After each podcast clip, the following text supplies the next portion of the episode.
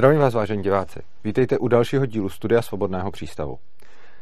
Dnes bych se s vámi chtěl pobavit o ekonomické kalkulaci a konkrétně příkladu, jaký lze zvládat, respektive nezvládat momentálně v dětské psychiatrii, ale ono i všude jinde.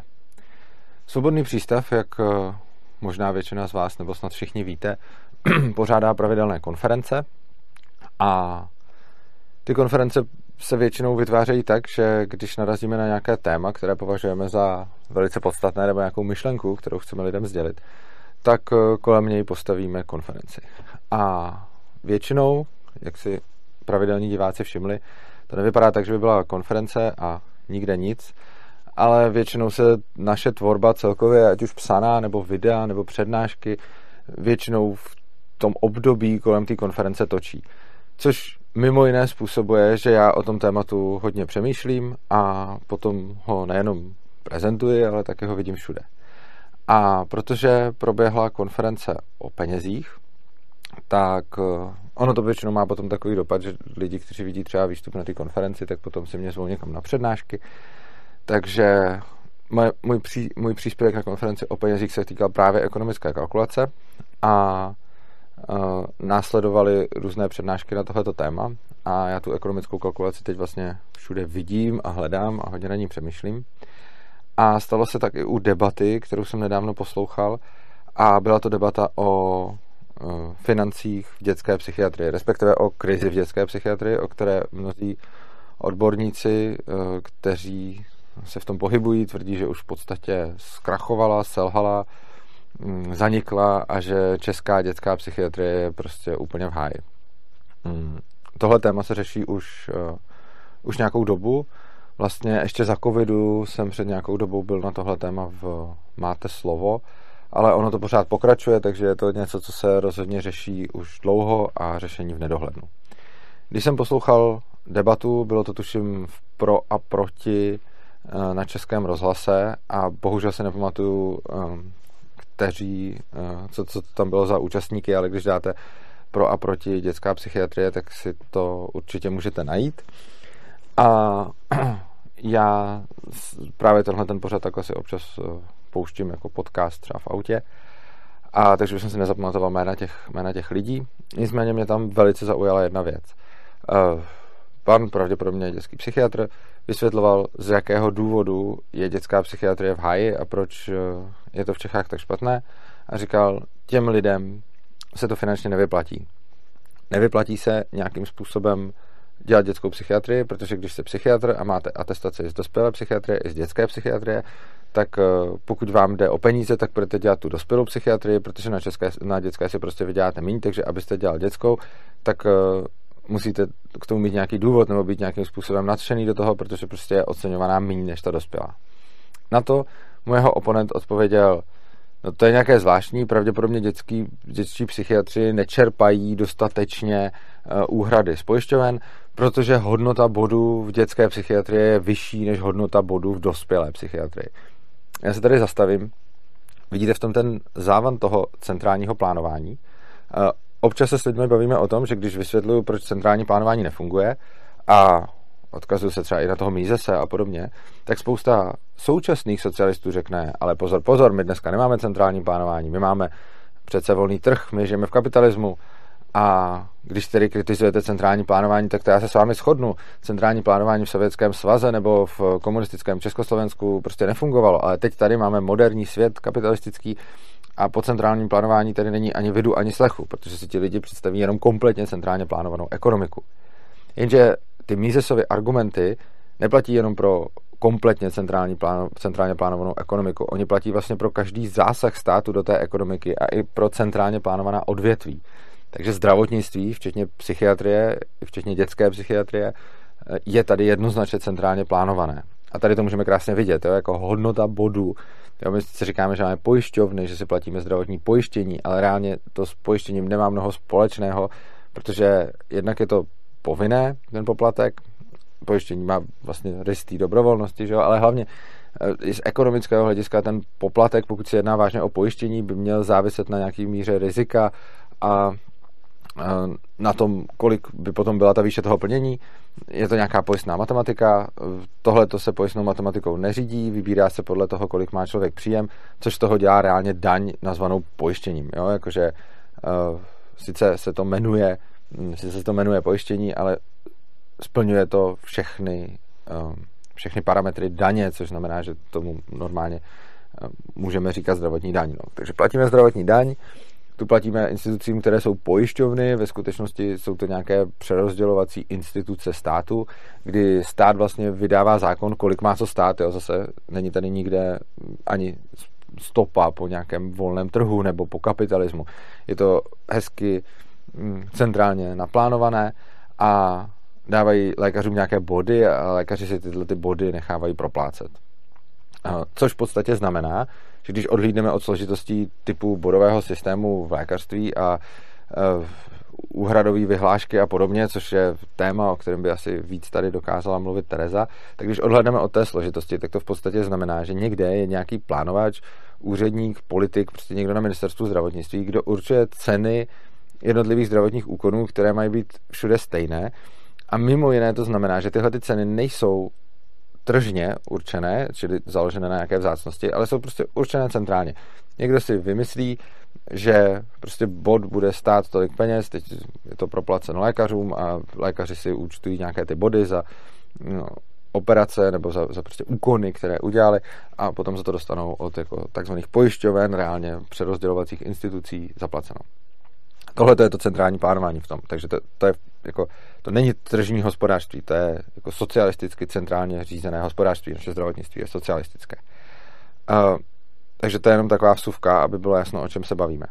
A teď ten, takže ten jeden pán říkal, uh, že v dětské psychiatrii je málo, málo peněz, že prostě se nevyplatí jako dělat dětskou, že, že finančně se vyplatí dělat dospělou a ten oponent mu na to odpověděl, no jo, ale to je nějaké divné, protože ty, hm, ti psychiatři asi nečerpají tak dobře ty peníze od těch pojišťoven, což jako další věc nedostávají zaplacet od zákazníků, ale čerpají peníze od pojišťoven.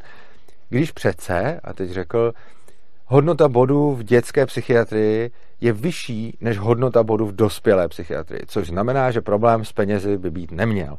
Takže argument byl, na to, že prostě v dětské psychiatrii nejsou peníze, tak protiargument zněl, za bod v dětské psychiatrii dostanete více peněz než za bod v dospělé psychiatrii. OK. A zase se vrátilo slovo tomu původnímu a ten říkal, no jo, jenže za bod v dětské psychiatrii je ohodnocení asi 1,2 krát vyšší než za bod v dospělé psychiatrii, nicméně ty pacienti nás stojí asi tak dvojnásob více času. Z toho, co tam říkal, jsem pochopil, že když máme dospělého pacienta v psychiatrii, tak stačí mluvit s ním a to je celé. Ale když máme dětského pacienta na psychiatrii, tak je potřeba napřed mluvit s ním, ale taky komunikovat s rodinou, s rodiči, takže vlastně hm, si umím představit, že ta práce jako reálně bude zabírat dvakrát víc času, protože uh, sám to vidím uh, ve škole, kolikrát uh, ty děti jsou méně problematické než jejich rodiče. Takže uh, jako komunikace s nima. Což potom si umím velice dobře představit, že dětský psychiatr bude nějakým způsobem mm, trávit nějaký čas s tím dítětem a potom stráví klidně ještě jednou ten čas s rodiči, když jim popisuje, co se vlastně děje. No. Eh, a, a vlastně se dostáváme do situace, že jako praxe, jako člověk z praxe říká, a teď mě nemusíte brát za slovo, jestli to je dvakrát, nebo jedna a půlkrát, nebo dva půlkrát, asi na tom tolik nezáleží. Říká, dětský psychiatrický pacient nás stojí dvojnásobek času než dospělý psychiatrický pacient. Dostaneme za to ty body, ale ten bod je proplácený 1,2 krát víc na dětský psychiatrii než na dospělý psychiatrii, což znamená, že dětská psychiatrie je podfinancovaná. Uh, teď a, a řešení, kteří ty pánové navrhují, samozřejmě jako nikoho tam vůbec ne, jako v té debatě ani nepadlo třeba, je to špatný systém, pojďme to dělat nějak jinak. Samozřejmě řešení, po kterém volal, bylo, pojďme zvýšit hodnotu toho bodu v dětské psychiatrii, k čemuž, po čemž volají prý už jako dlouho. Tam, on tam právě říkal, že už se snaží léta nějakým způsobem upozorňovat na kritickou situaci na dětské psychiatrii, což prý jako mnoho let vůbec nebylo vnímáno jako téma, pak to začalo být veřejností vnímáno jako téma, ale pořád se neděje to, že by se třeba zvedla hodnota toho bodu, takže časem eh, se to předpokládám asi stane, když se o tom natočí ještě nějaké rozhovory, když se o tom bude mluvit v rádiích, v televizích, lidi o tom budou mluvit, tak se to časem dostane i k politikům nebo k těm úředníkům. A potom jednoho dne se můžeme dočkat toho, že zvýší hodnotu bodu dětské psychiatrie z 1,2 na nějaké číslo. A tohle je taky zajímavá věc. Jo. Nějaké číslo, které někdo nějak určí. Eh, prostě centrální plánovač řekl, že bod v dětské psychiatrii bude ohodnocen 1,2 krát víc než bod v dospělé psychiatrii.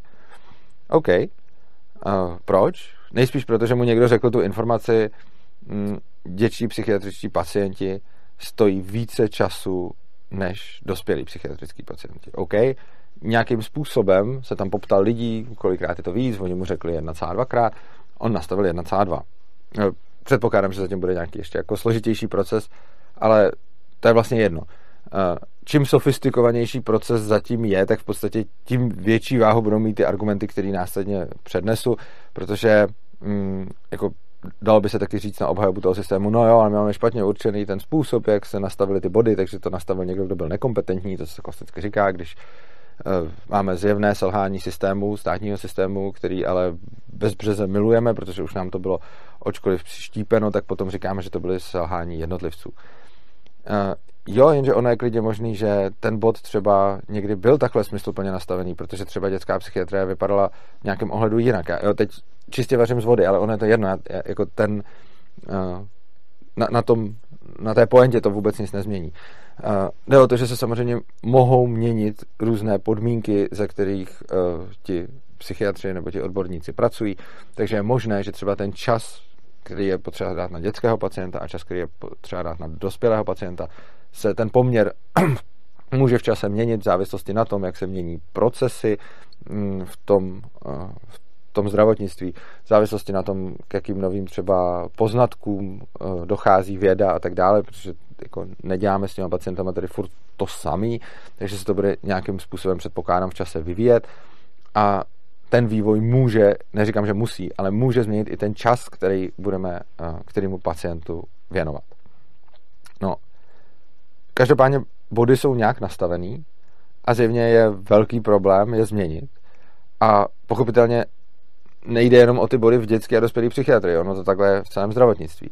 Každopádně, když se zjistí, že čas na dětské psychiatrii na jednoho pacienta je dvojnásobný než na dospělé psychiatrii, ale je za to 1,2 krát více peněz, tak eh, doktoři v tom systému ty informace mají, protože jsou tomu nejblíž. Takže když jste student a studujete psychiatrii a pak se rozhodujete, jestli půjdete na dětskou nebo dospělou psychiatrii, tak eh, se bavíte s těmi doktory, protože jste tam na praxi, eh, žijete v tom, nějakým způsobem si zkusíte tam něco dělat a samozřejmě k vám doputují ty informace, které jako ještě ty politici a úředníci nahoře nemají, nebo nechtějí mít, nebo neslyší, nebo prostě pro ně nejsou důležitý, ale vy jste dole, takže ty informace tam máte. O tom psal Hayek vlastně, o tom, že ty informace jsou decentralizované v tom systému a že v podstatě jako nelze uchopit nahoru, protože ti lidi nahoře ani nemůžou mít ty informace, které mají ti lidi dole, což je přesně velký argument pro ten spontánní řád a pro volný trh.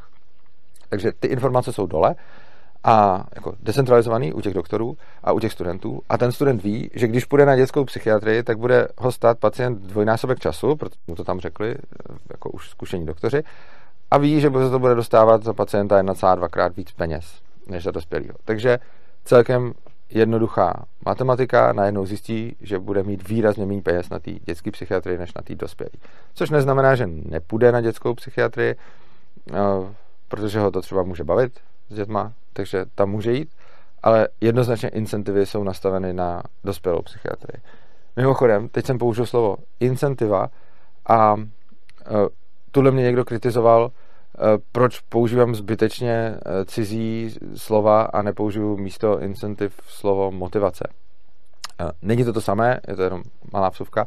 Incentiva je uh, nějaký vnější parametr, který působí na člověka, ale to ještě nutně neznamená, že ho bude motivovat. Například uh, můžeme mít incentivu toho, že člověk dostává víc peněz, což může vytvořit motivaci tam jít pracovat, ale ten člověk na to může kašlat a může mu být jedno, kolik dostane peněz a v tom případě to sice je incentiva a není to motivace. To je jenom takovej, mm, takové ekonomické okénko, krátká vsuvka, konec vsuvky. A každopádně, psychiatři budou tedy pracovat spíš na dospělý než na dětský, protože ty peníze je ovlivní a ten, a ten rozdíl je tam, je tam velký. Oni to tedy ví, budou chodit na dospělou a pak bude málo dětských psychiatrů. Stav, který tady máme. Co se musí potom stát? Potom se stane to, že začne být na dětský psychiatrii velký problém, budou tam pracovat přes časy, budou ignorovat zákonník práce. Ne, že bych byl zastance zákonníku práce, ale je vtipný, že stát je jeho největším porušovatelem. Uh, takže doktoři tam prostě budou mít přes časy, nebudou to stíhat, mm, budou mít málo peněz a málo personálu. Začne být problém, protože se na ty pacienty začne logicky kašlat a to zase není to nějaký hejt na ty doktory. Ono prostě v momentě, kdy máte šíleně moc práce, vůbec žádný volný čas, máte být pořád té práci a pořád to dělat a nemáte si kdy odpočnout, tak prostě nemůžete těm pacientům věnovat tak dobrou, eh, tak dobrou péči a nemůžete jim dát tolik pozornosti, jako kdybyste byli v lepších podmínkách. To je prostě jako lidský. No a pochopitelný, ani to, ani to nemůže být jinak a ten systém prostě se nemůže chovat jako jiným způsobem. No a potom začnou proudit občas do médií nějaké zkazky o tom, že dětská psychiatrie je na tom velice špatně. Mm, po nějaké době, kdy už ten problém jako existuje, jo? protože ten problém vlastně jako nejde vyřešit rovnou, protože jde o to, kolik lidí tam chodí, takže i kdybychom, jako i když teď nastavíme uh, cenu toho bodu způsobem, který odpovídá tý, jako tomu strávenému času, tak, uh, tak stejně bude trvat, než se to nějak promítne. Takže máme už velký problém. Zatím o něm ani nevíme na, na úrovni veřejnosti, vědí o něm tak ty doktoři na té psychiatrii. Když doktoři o tom začnou mluvit, zaujme to novináře, začne se to dostávat do médií. Tenhle ten proces může jako klidně trvat roky. Viděli jsme to tady, trvá roky. Uh, teď je ta fáze, kdy se o tom začíná pomalu mediálně mluvit. Já už jsem o tom jako zaslechl několik zkazek, takže o tom, že Česká dětská psychiatrie má problém, se to se tady nějakým způsobem začíná už pomalu vědět, ale pořád to ještě není jako nosné politické téma. Až se to dostane do více pořadů, začne to zajímat více novinářů, tak se z toho potom může stát politické téma, nějaký politik to může uchopit a může říct prostě zlepšíme stav na dětské psychiatrii a pokud se to bude výjímat hezky v programu a on potom uzavře koalici s někým, kdo se na to nevykašle a bude to mít nějak jako dostatečnou pozornost, aby to těm politikům se to stálo, tak třeba dotlačí nějakého úředníka na ministerstvu zdravotnictví k tomu, aby šoupnul té tabulce to číslo tak, aby to odpovídalo. To mimochodem už máme spoždění jako mnoho let od začátku vytvoření toho problému. A teď jako číslo začne odpovídat a začnou za to mít víc peněz a nějací studenti tam začnou víc chodit a problém za hezkých 10 let, když budeme optimističtí, bude vyřešen. No. Co to má za nedostatky? Krom toho, že to trvá tak dlouho. Má to ten nedostatek, že ten problém se řeší až ve chvíli, kdy už je to fakt hodně blbý, protože ten problém je už zjevně hodně velký. Když si poslechnete jako kdekoliv teď mluvit někoho o dětské psychiatrii, když si to vygooglete, ono těch rozhovorů bude určitě víc, já jsem slyšel teď tenhle ten jeden, jedný debaty jsem se účastnil, máte slovo, ale ono jich bude určitě hodně, uh, tak je to hodně velký problém. A to, co jako říkají lidi, kteří v tomhle oboru pracují, je, že ta situace je prostě katastrofální, že to, že to vůbec nezvládá, že ten systém v podstatě jako zkrachoval, že, že nefunguje, že, že to jako celý umřelo. Což není zrovna, což není zrovna pozitivní stav. Když se to dostane do takového stavu, aby si toho začali všímat lidi a následně se toho všímali politici, tak eh, to bude trvat mnoho let. A teď si vezměte, že tohle je problém mezi dětskou psychiatrií a dospělou psychiatrií. Jsou to docela asi snadno porovnatelné obory, protože tam někdo dokáže říct, že eh, jsou si podobní asi nějak. A někdo dokáže říct, že třeba čas na dětského pacienta je dvojnásobný a čas na dospělého je poloviční, takže jako můžou upravit nějak ty body. Ale teď si vemte, kolik bodovaných úkonů ve zdravotnictví celkově bude. Jako bezpočet. Jo? Tam, tam budou bodované úkony za, za prostě operace, za různá vyšetření, za preventivní prohlídky, za já nevím, nějaký ty rentgeny a CT a magnetické rezonance a prostě za, za jednotku intenzivní péče. Já to neznám, nejsem, nejsem zdravotník, každopádně je asi zjevný, že těch úkonů tam bude jako extrémní množství. A teď si vemte, kolik z nich asi bude nastaveno špatně. A vidíme to, vidíme to všude. Jo. Tohle to znám často tyhle ty historky od Terezy, že prostě jsou v nemocnicích nějaká lůžka, která jsou výrazně víc placená než nějaká jiná lůžka, ale je na nich třeba méně práce, takže je třeba jako výhodnější v nějakou chvíli dát toho pacienta na lůžko, který třeba úplně nepotřebuje, protože za to ta nemocnice bude dostávat víc bodů a víc peněz.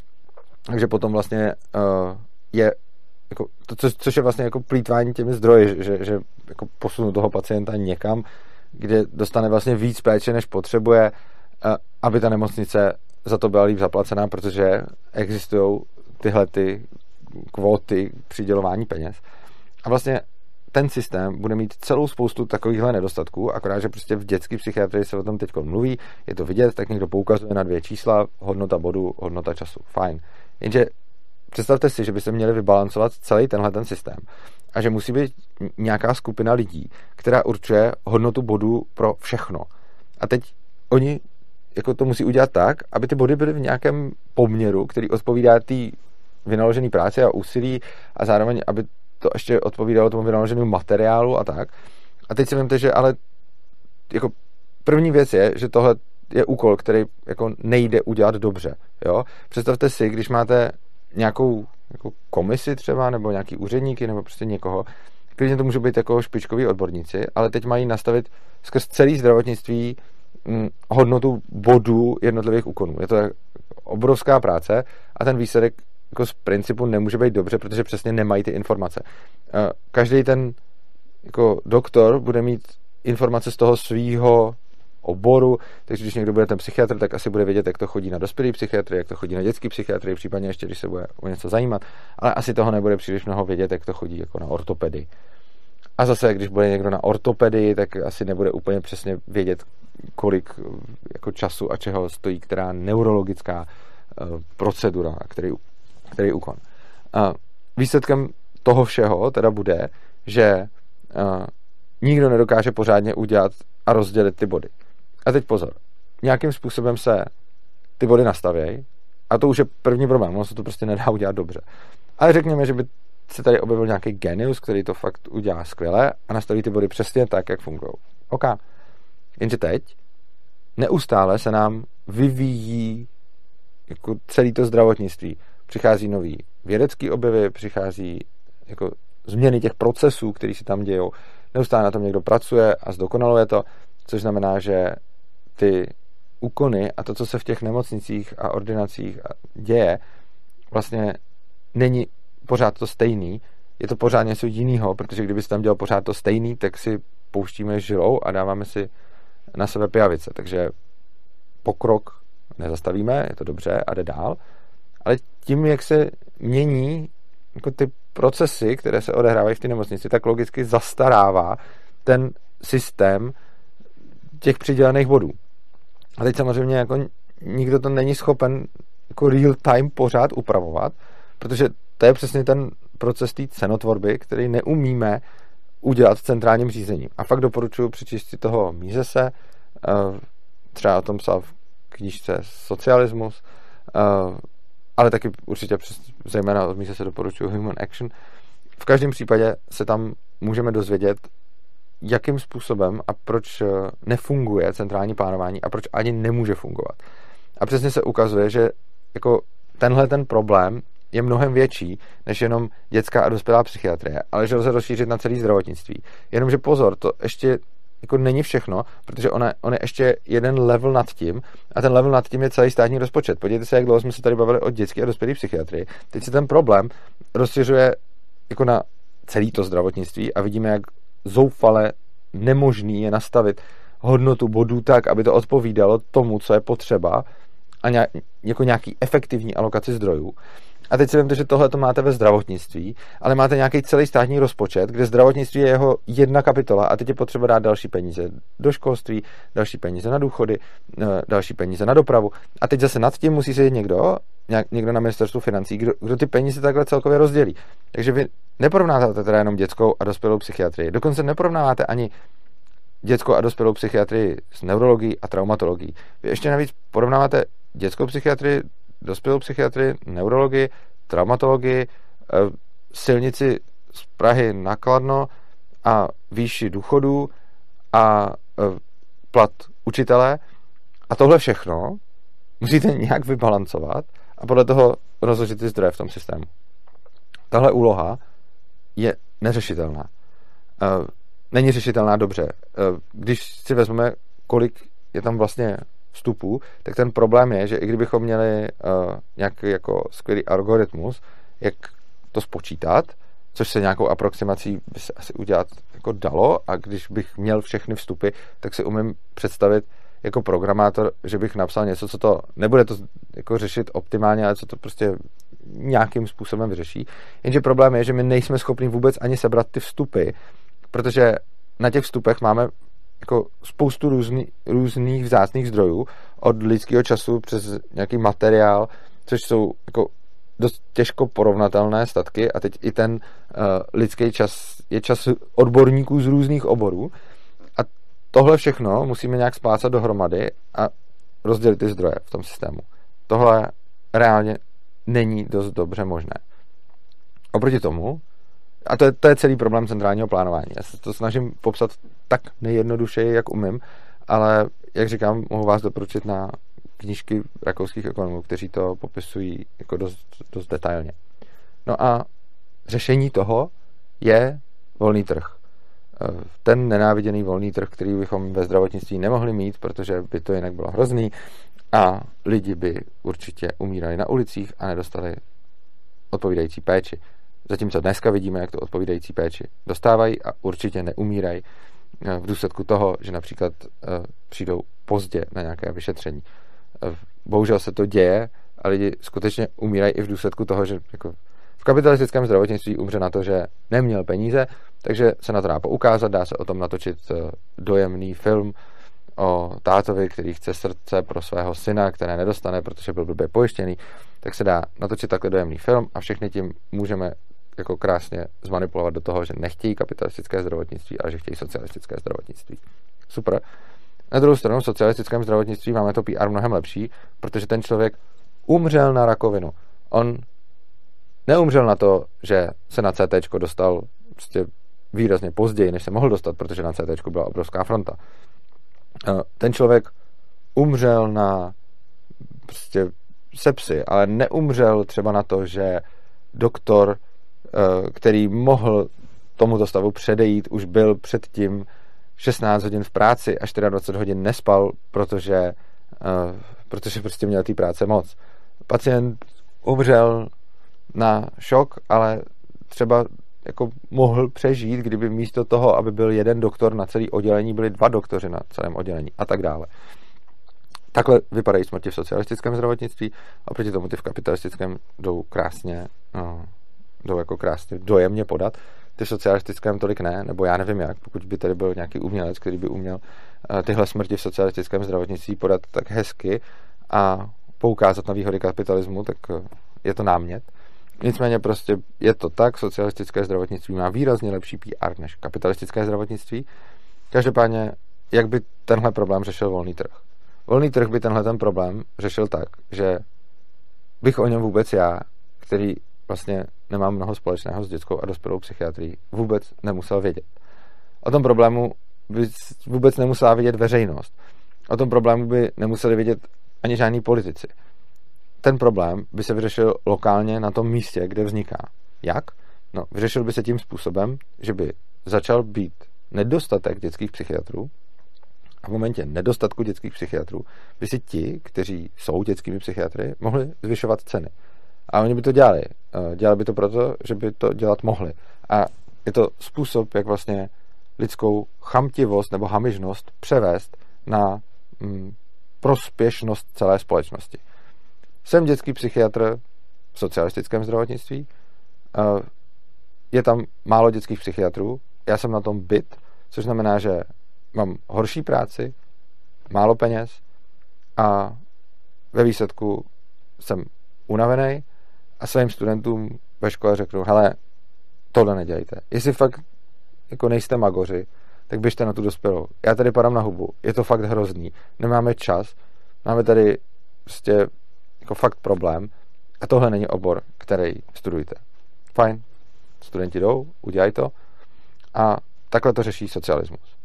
jak to řeší kapitalismus. A zase, je to fakt chamtivost. Jsem dětský psychiatr v kapitalismu a zjišťuju, že je málo dětských psychiatrů, což znamená, že mám příliš mnoho pacientů. Co začnu dělat? Nestíhám brát pacienty? No, já nemusím padat na hubu a brát všechny pacienty. Já si můžu prostě zvýšit cenu. Zvýším si cenu, věnuju se těm pacientům, který tam mám a tohle to udělají i moji kolegové. Samozřejmě třeba ne všichni, někdo, prostě to chce dělat za méně peněz, ale spousta jich to udělá, protože může. Protože chamtivost, protože sobectví a tyhle ty pojmy neříkám vůbec jako ve zlém. Oni se ve volnotržním prostředí dají převést v něco, co té společnosti pomáhá. Takže prostě mám najednou převis pacientů, zvedám cenu. Fajn, co se stane dál? A říkám svým studentům, hele, je to dobrý, vyděláte si tady víc než na dospělý psychiatrii. A je nás málo, tak sem pojďte, protože je to fajn obor studenti sem můžou jít. Oni si to všimnou i sami, kdyby jim to ten učitel neřekl. Takže vlastně v socialismu se špatně nastaví hodnota bodu a výsledkem toho je, že na dětské psychiatrii je málo psychiatrů a další tam nechtějí chodit, protože ta práce je hrozná. V kapitalismu, v kapitalistickém zdravotnictví je málo dětských psychiatrů a stane se to, že se jim zlepší podmínky, ta práce začne být líp placená a proto tam bude víc lidí. A je to vlastně, zatímco socialismus udělá tu věc, že když je to tam špatný v tom oboru, tak odrazuje další, když je jich málo, prostě málo dětských psychiatrů, tak socialismus bude odrazovat další lidi, aby se stávali dětskými psychiatry, dokud do toho nezasáhne nějaký úředník nebo politik, nebo někdo, kdo to jako zhora napraví. Přičemž jako zase bavíme se o napravení dětské a dospělé psychiatrie, ne o nápravě celého zdravotnictví a už vůbec ne celého státu. A oproti tomu na volném trhu prostě budu mít víc pacientů, zvýším cenu a, a najednou začne víc lidí chodit do toho oboru, vykonávat tu praxi, protože je naláká ta odměna za to. A, není potřeba, aby se o tom potom točily filmy, nebo ne, filmy, prostě nějaký debaty, aby se to vůbec dostalo do nějaký jako veřejné debaty, do nějaký veřejné diskuze. A, není třeba, aby s tím kdokoliv cokoliv dělal, ono se to takhle udělá jako samo. Mimochodem tohle je ta jako socialisty vysmívaná neviditelná ruka trhu. Všiml jsem si, že jako já ten termín nepoužívám, já ani nejsem taky velký fanoušek Adama Smise.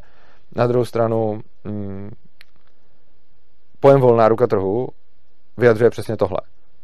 A zjistil jsem, že lidi, kteří se tomuto tomu pojmu vysmívají, to většinou vůbec neznají. Jako zatím 100% lidí, kteří, které jsem viděl vysmívat se volné ruce trhu, když jsem se s ním bavil o problému eko, nemožnosti ekonomické kalkulace v centrálním plánování, tak o tom problému vůbec nevěděli. Neměli ponětí o tom, že existuje, takže vůbec jako nechápali, k čemu výraz volná ruka trhu, trhu pramení. Každopádně ta volná ruka trhu je tohle. E, teda, řekl volná, myslel jsem neviditelná. Neviditelná ruka trhu je přesně tohle. Neviditelná ruka trhu je, že dětský psychiatr má moc pacientů, zvýší si peníze za, za pacienta, prostě začne si brát víc peněz, protože může. A najednou přibydou další dětský psychiatři, aniž bych o tom musel vědět já, který s tím oborem nemá nic společného, aniž by o tom musel vědět nějaký politik a aniž by to vůbec musela ta informace jako opouštět tu svoji decentralizovanou lokalitu a dostávat se někam centrálně, protože ta informace se samozřejmě při tom přechodu jako ze spoda nahoru ztrácí a deformuje. A vlastně místo toho, aby se ten problém vyřešil tam, kde je, tak se nareportuje někam nahoru, tam se něco udělá a pak se zase propadá do to řešení, který taky jako nemusí být úplně ideální, protože z toho jako stolu na ministerstvu může vypadat potom výrazně jinak, než eh, za dveřmi ordinace dětské psychiatrie.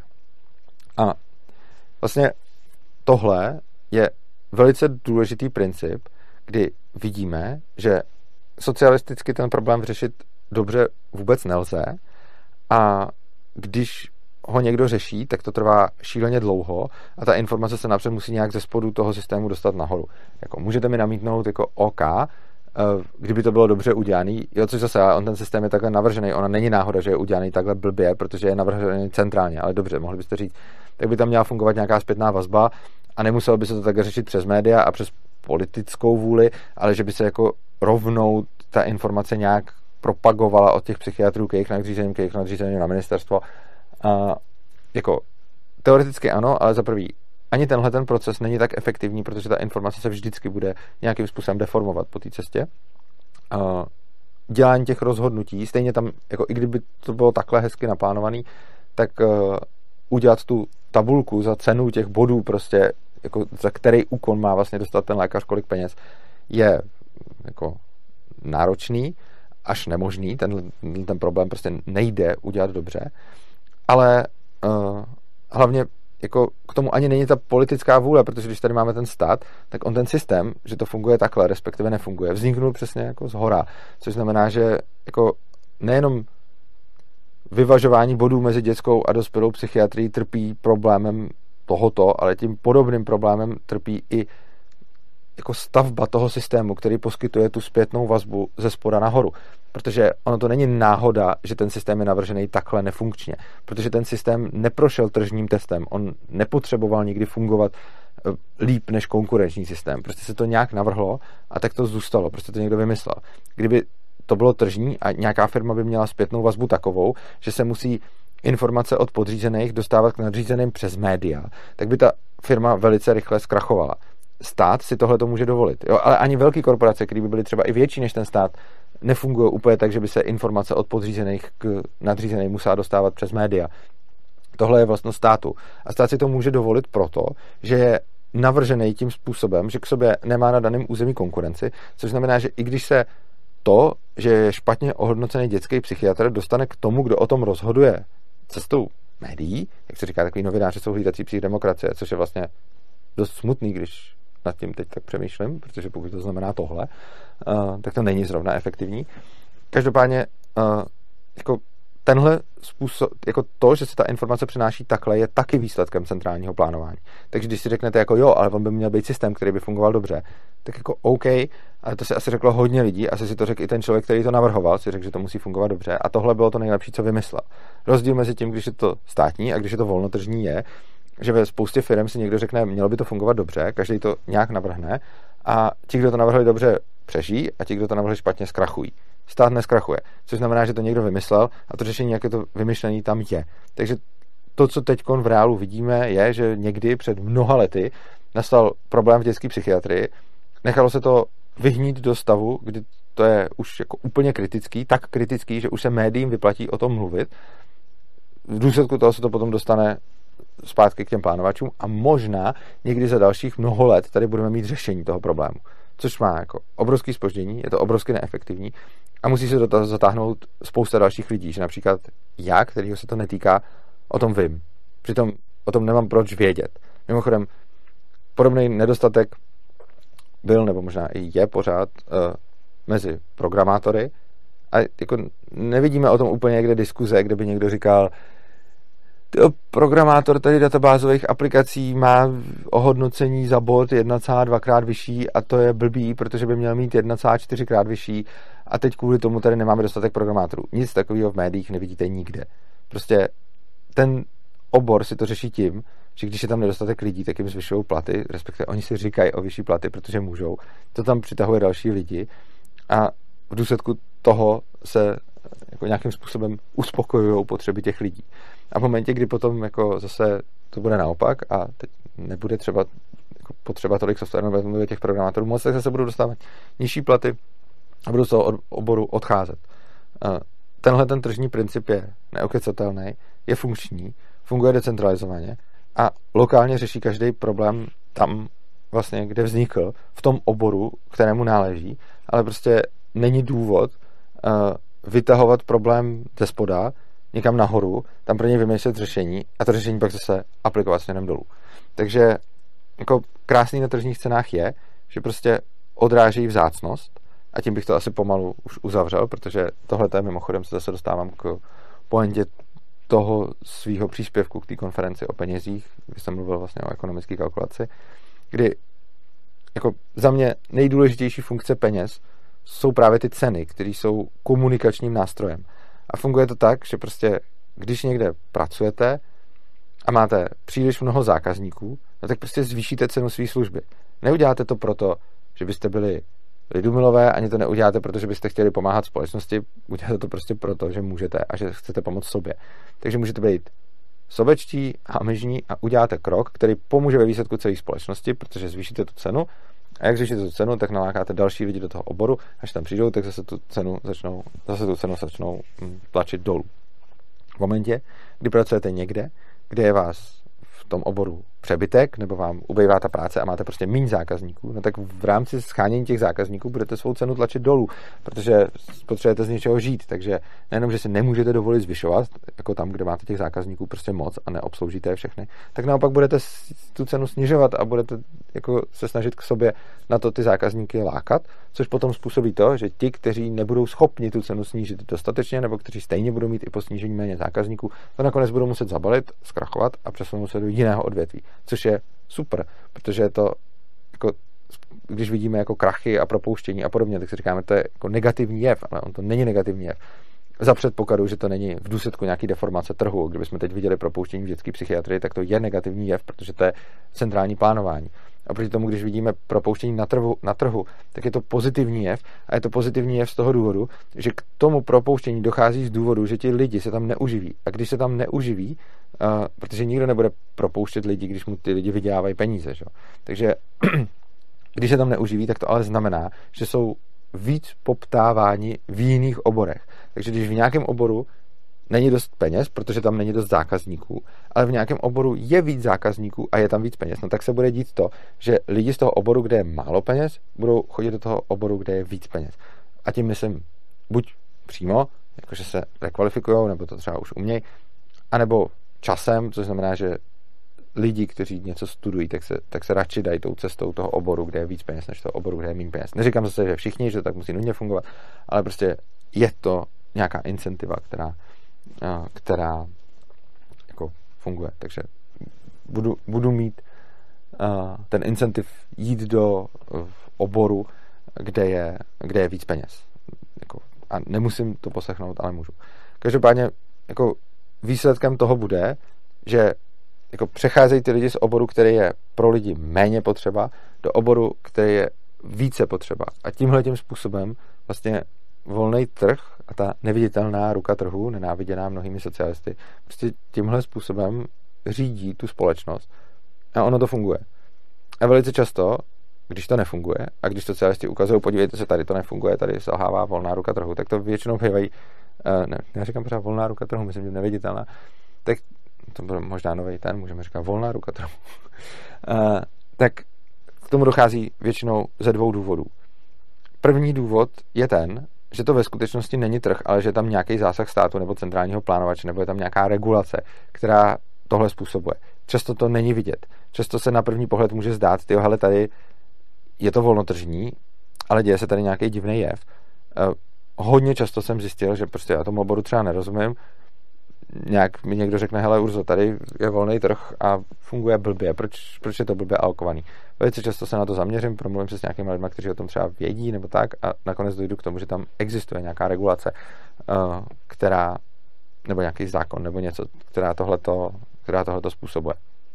Eh, mimochodem, krásný příklad na tohle je třeba, hm, proč ženy jsou méně platově ohodnoceny než muži, bude podle mě velice úzce souviset s otázkou, proč zaměstnavatel musí držet pracovní místo ženě po dobu mateřský dovolený.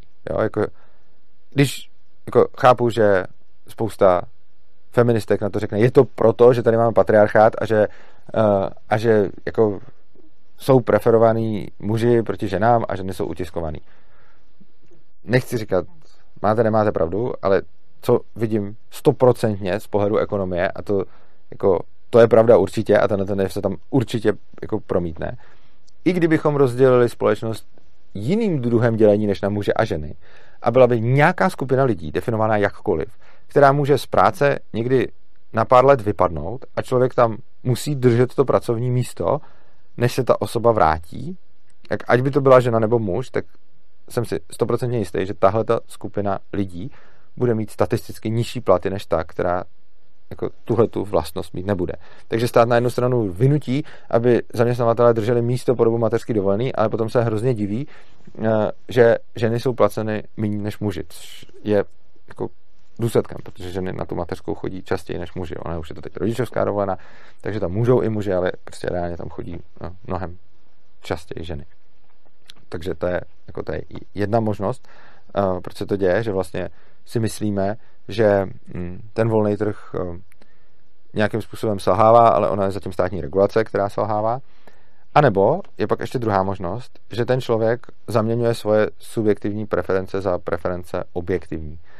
Uh, velice často někdo řekne, hele, tady je úplně úžasný, skvělý a nejlepší projekt, který se neuživí a krachuje a fuj volný trh, protože kvůli tomu nepřežil tenhle ten boží projekt. Um, velice často ten důvod je, vám ten projekt může připadat boží, ale většina lidí preferuje úplně jiný statky než ten projekt. A když si to na sebe samo nevydělá, neregulovaný, nedotovaný, prostě si to nevydělá samo na sebe, tak to zjevně znamená, že lidi preferují jiný statky než tenhle. A že to spotřebovává víc vzácných zdrojů, než jako zdro, spotřebová to zdroje, kterých si lidi cení víc, než ty zdroje, který to produkuje. Takže vlastně uděláte projekt, do kterého lejete nějaký zdroje, a tím myslím všechno, jako práci lidí, eh, materiál, prostě nějaké budovy, čas, všechno, tak tohle to tam léte a z toho všeho si lidi jako společnost vážíme víc než toho, co z toho vychází za projekt. To tady nebudu už úplně detailně rozebírat, můžete se podívat na moji hm, přednášku z konference o penězích, tam přesně o tom mluvím a vysvětluju to, vysvětluju to tam podrobněji. Tak, já vám moc děkuji za pozornost. Myslím si, že tohle video je nějaký, o kterém bych byl fakt rád, kdybyste šířili, protože si myslím, že tuhle myšlenku bych dostal rád k co nejvíce lidem. Takže tady vás zejména prosím o podporu. Pokud máte fakt tu chvilku a chtělo by se vám, vezměte to video, nakopírujte to na svoje sociální sítě, nebo to někomu pošlete, koho si myslíte, že by to mohlo zajímat. Protože zrovna tohle je věc, která jako není zase tak nová pro vás eh, skalní libertariány, ale myslím si, že pro spoustu lidí by mohla něco ukázat. Hmm. Dále, pokud nás ještě neodebíráte, budu rád, když si nastavíte odběr a není to jenom pro vás, ale je to i pro nás, protože jednak uh, nás to potom motivuje dál tvořit, ale hlavně um, jsou politici zejména, ale i jiní lidi, kteří přijmou uh, radši pozvání do pořadu, který má výrazně víc odběratelů, než když jich má méně. No a Dál bych vás chtěl poprosit o finanční podporu, protože všechno to, co tady děláme, děláme z dobrovolných příspěvků, takže jsme uh, závislí právě na vás, vážení diváci a posluchači. Dole v popisku videa můžete najít bitcoinovou, litecoinovou adresu uh, a bankovní spojení. Když nám tam něco pošlete za tohleto video, budeme moc rádi. A největší, nejlepší způsob a největší podpora, kterou můžete svobodnému přístavu poskytnout, je, když tam dole najdete link opristavu.urza.cz a tam najdete způsob, jak nás pravidelně měsíčně podporovat. Můžete nám měsíčně posílat jakoukoliv částku, nás jako fakt každá nám pomůže a ten měsíční donate má tu obrovskou výhodu, že potom s, tím, s těma penězma můžeme nějakým způsobem plánovat a těch aktivit, kterých děláme, je celá řada. Můžete se podívat na stránky urza.cz nebo na Facebook Svobodného přístavu. Uh, fakt toho děláme hodně a všechno to stojí zase nějaký zdroje vzácný, nějaký peníze, eh, nějaký čas a nějakou techniku a když nám přispíváte pravidelně, tak eh, můžeme tyhle ty výdaje nějakým způsobem plánovat. Já vám moc děkuji za podporu, za pozornost, mějte se krásně, mějte se rádi a uživejte se života.